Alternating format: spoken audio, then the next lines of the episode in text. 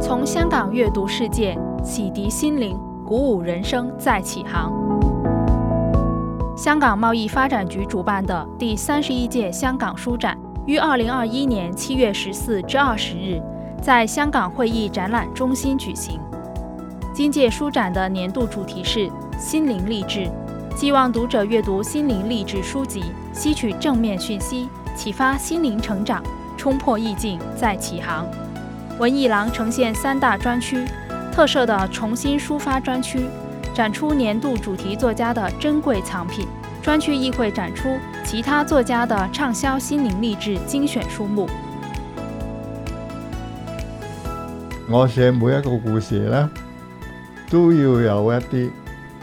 出人意料，同人谂法唔同嘅地方，而呢，有意思喺里边嘅。有一句说话呢，写作啊要写人人心中所有，即人人不下所无啊。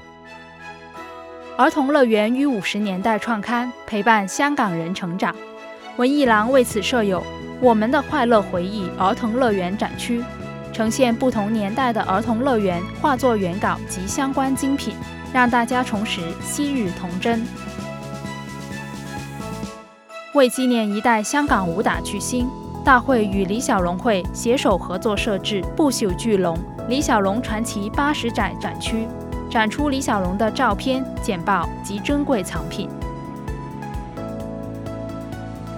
今年书展将设有八大讲座系列。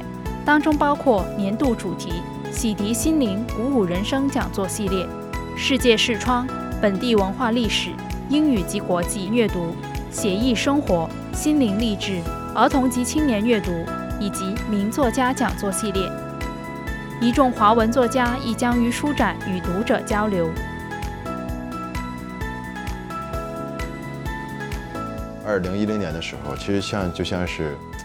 老天爷就是推了我一把，就把我推到了这条路上。走上文学这这条路，其实对我来说，是对我的生活改变很大的啊。呃，然后第二个是他，其实在当我在写作的时候，其实写作也在嗯每时每刻的改变我啊。他其实是这十年的写作，其实使我产生了非常非常大的人人在产生很大的变化。大会议邀请了多位外语作家出席分享。除了一连七天的书展外，贸发局连同各区单位及文化机构举办“文化七月，阅读夏季”，让大众体验文字的乐趣。从香港阅读世界，洗涤心灵，鼓舞人生，再起航。二零二一年七月十四至二十日，我们一起投入到香港书展这个文化盛世。